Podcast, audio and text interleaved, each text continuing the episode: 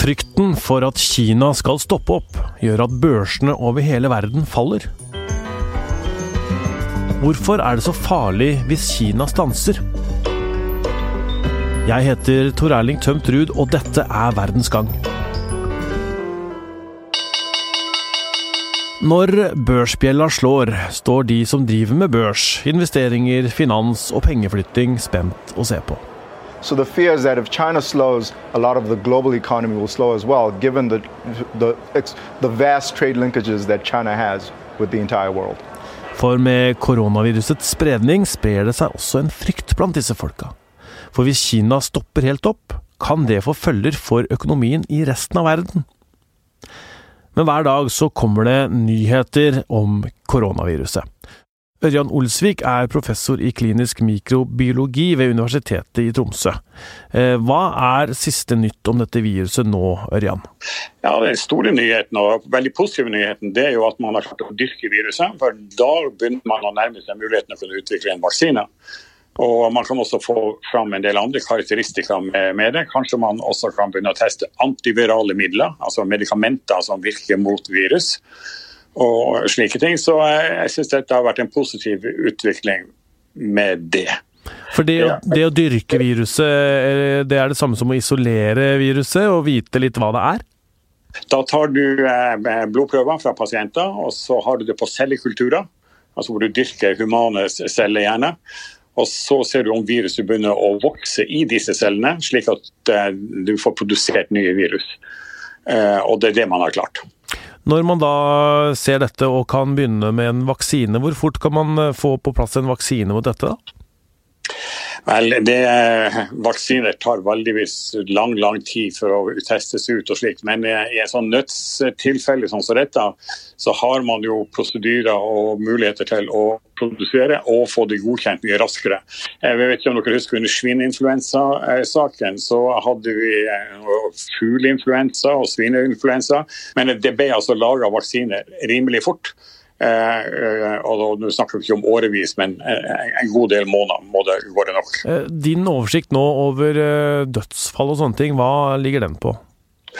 Vel, vi har 697 tilfeller som jeg har fått registrert, som er dokumentert ved laboratorietester. Og 132 dødsfall. 130 er vel i Kina. Uh, og um, dødsprosenten, eller prosenten av mennesker som, som er på, har vært laboratorietesta og som uh, er døde, den starta vel på 3,4 for en, en, del dager siden. Og i går var den uh, 2,31, og i dag så er den kommet ned i 2,16. Hva betyr det? Det betyr at færre og færre av de som er positive, dør. Det kan være mange årsaker til det. At man tester flere, så at antallet eh, syke øker. Og, men de døde dem har man nok god kontroll over. Men eh, dette på at det er nærmer nærmest 2 av de som er syke som dør, det er et positivt tall. For at eh, når vi hadde SARS-epidemien, som var akkurat samme type virus i 2003, så hadde man en dødsprosent på 9,6. Og med MERS-viruset, som var søskenbarnet til dette, som vi fikk i 2013, som fortsatt går, det er faktisk dødsprosenten helt oppe i 35. Mm. Så det, dette er en positiv utvikling, men ikke uvanlig utvikling i utbrudd. At blir mindre, viruset blir mindre dødelig. Og nå har altså dette viruset spredd seg til børsen. I hvert fall så blir finansmarkedene påvirka av det som skjer i Kina. Børsen er jo da en markedsplass for aksjer og verdipapirer. Og eier du en aksje i et selskap, så eier du en del av dette selskapet. Og hvis selskapet går bra, så stiger aksjekursen, og da kan du selge denne aksjen for mer enn du kjøpte den for. Det som heter børsindeksen, styres av hvordan de største selskapene gjør det, og en del om hvordan det forventes at de går. Camilla Knutsen, finansjournalist i E24. Eh, hva skjer i verdensøkonomien etter at dette viruset ble oppdaga? Foreløpig så har det jo ikke skjedd så mye konkret i selve verdensøkonomien. Det er mer eh, børsene som eh, faller, og det er jo først og fremst pga. en frykt for hva som skal skje med verdensøkonomien framover. Dvs. Si at man, man tar sorgene litt på forskudd. Så det er, det er, en frykt og en usikkerhet for, for hva som kan skje framover. Men vi ser jo disse overskriftene da, børsene faller. Hva betyr egentlig det? Det betyr at investorene blir redde. De trekker pengene sine ut. De de frykter jo at det blir dårligere inntjening, og spesielt da særlig på flyselskaper og energiselskaper som, eh, som eh, blir direkte påvirka av dette, så, så, trekker de pengene sine ut og, og, velger seg enten andre selskaper som de anser som mer sikre, eller kanskje går helt ut av aksjemarkedet og, og setter pengene sine i, i, rentepapirer eller i andre ting som har minimal eh, risiko. Og da, da faller børsene. De som da altså har investert i selskaper, de tar pengene sine ut fordi det skjer ting i Kina. Eh, hva betyr denne frykten for hva som eh, skjer i Kina, Kina for dette? Kina er verdens eh, nest største økonomi og har fortsatt sterk økonomisk vekst. Og hvis Kina stopper opp, så så faller etterspørselen etter varer i fra andre land, så det påvirker jo eh, global handel. Og man frykter at det kan eh, få seg et ytterligere knekk der eh, etter lang tid med handelskrig og, og uro.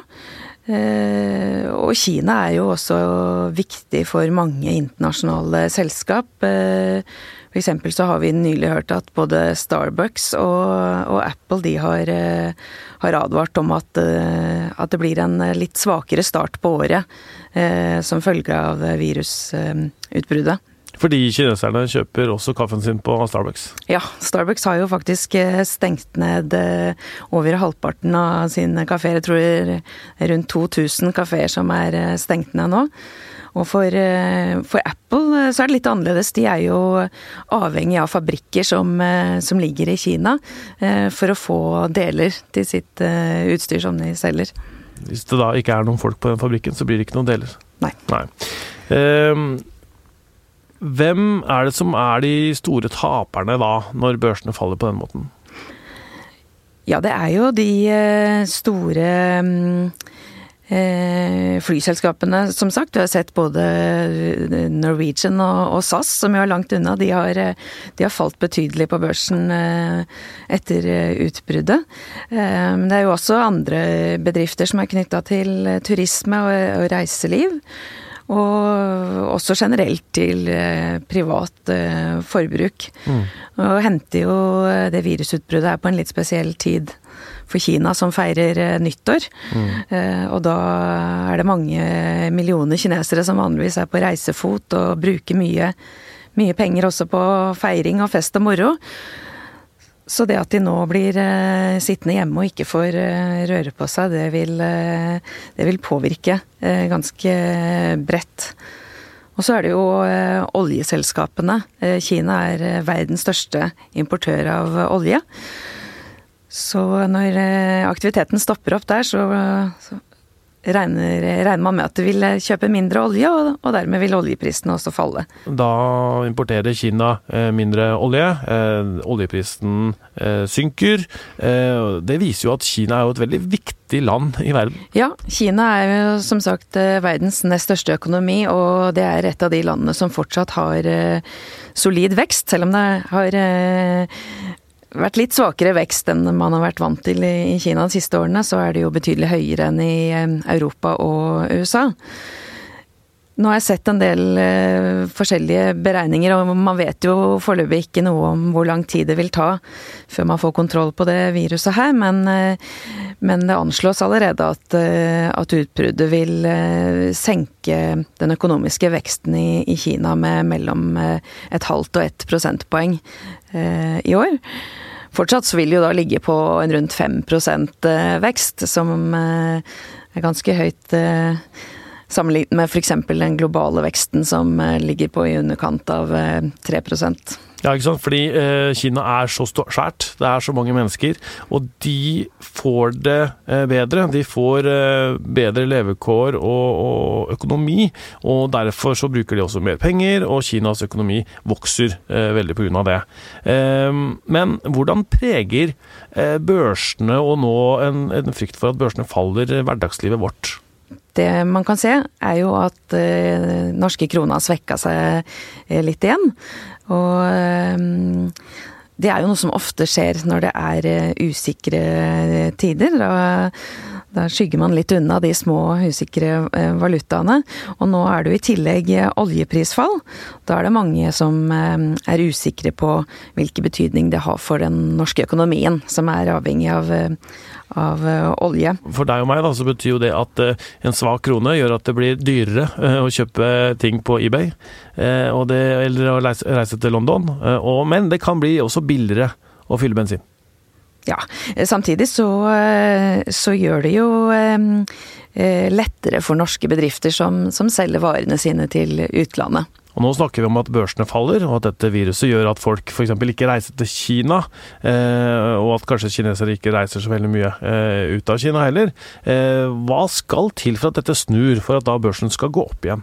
Ja, man må eh, få en viss kontroll på, på viruset. På, eh, på, spredningen. Nå eh, er det jo naturlig å sammenligne kanskje med, med SARS. som var en lignende virussykdom mm. med utbrudd i Kina 2003.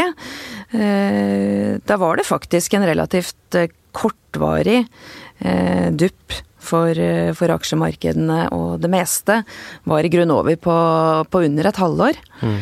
Men eh, man anslår jo likevel at det har kostet verdensøkonomien eh, over 400 milliarder kroner. Eh, men, eh, men, man må nok ha noe slags bevis på at, eh, at spredningen har stoppet, og at man har kontroll på situasjonen.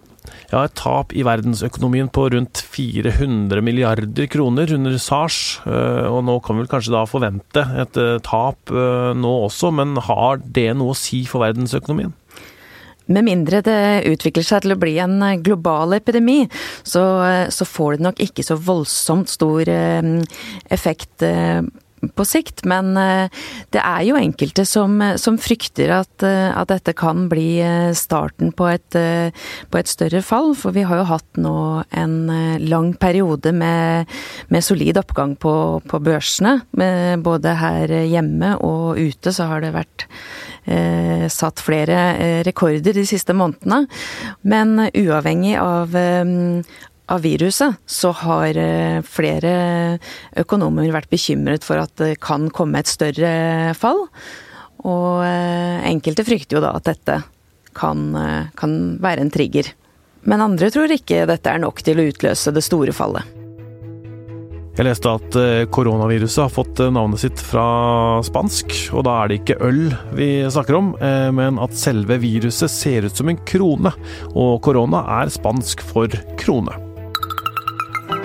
Vi lager Verdens Gang hver dag. Emilie Hall Torp, Kristine Hellesland, Nora Torp Bjørnstad og meg, Tor Erling Tømt Ruud.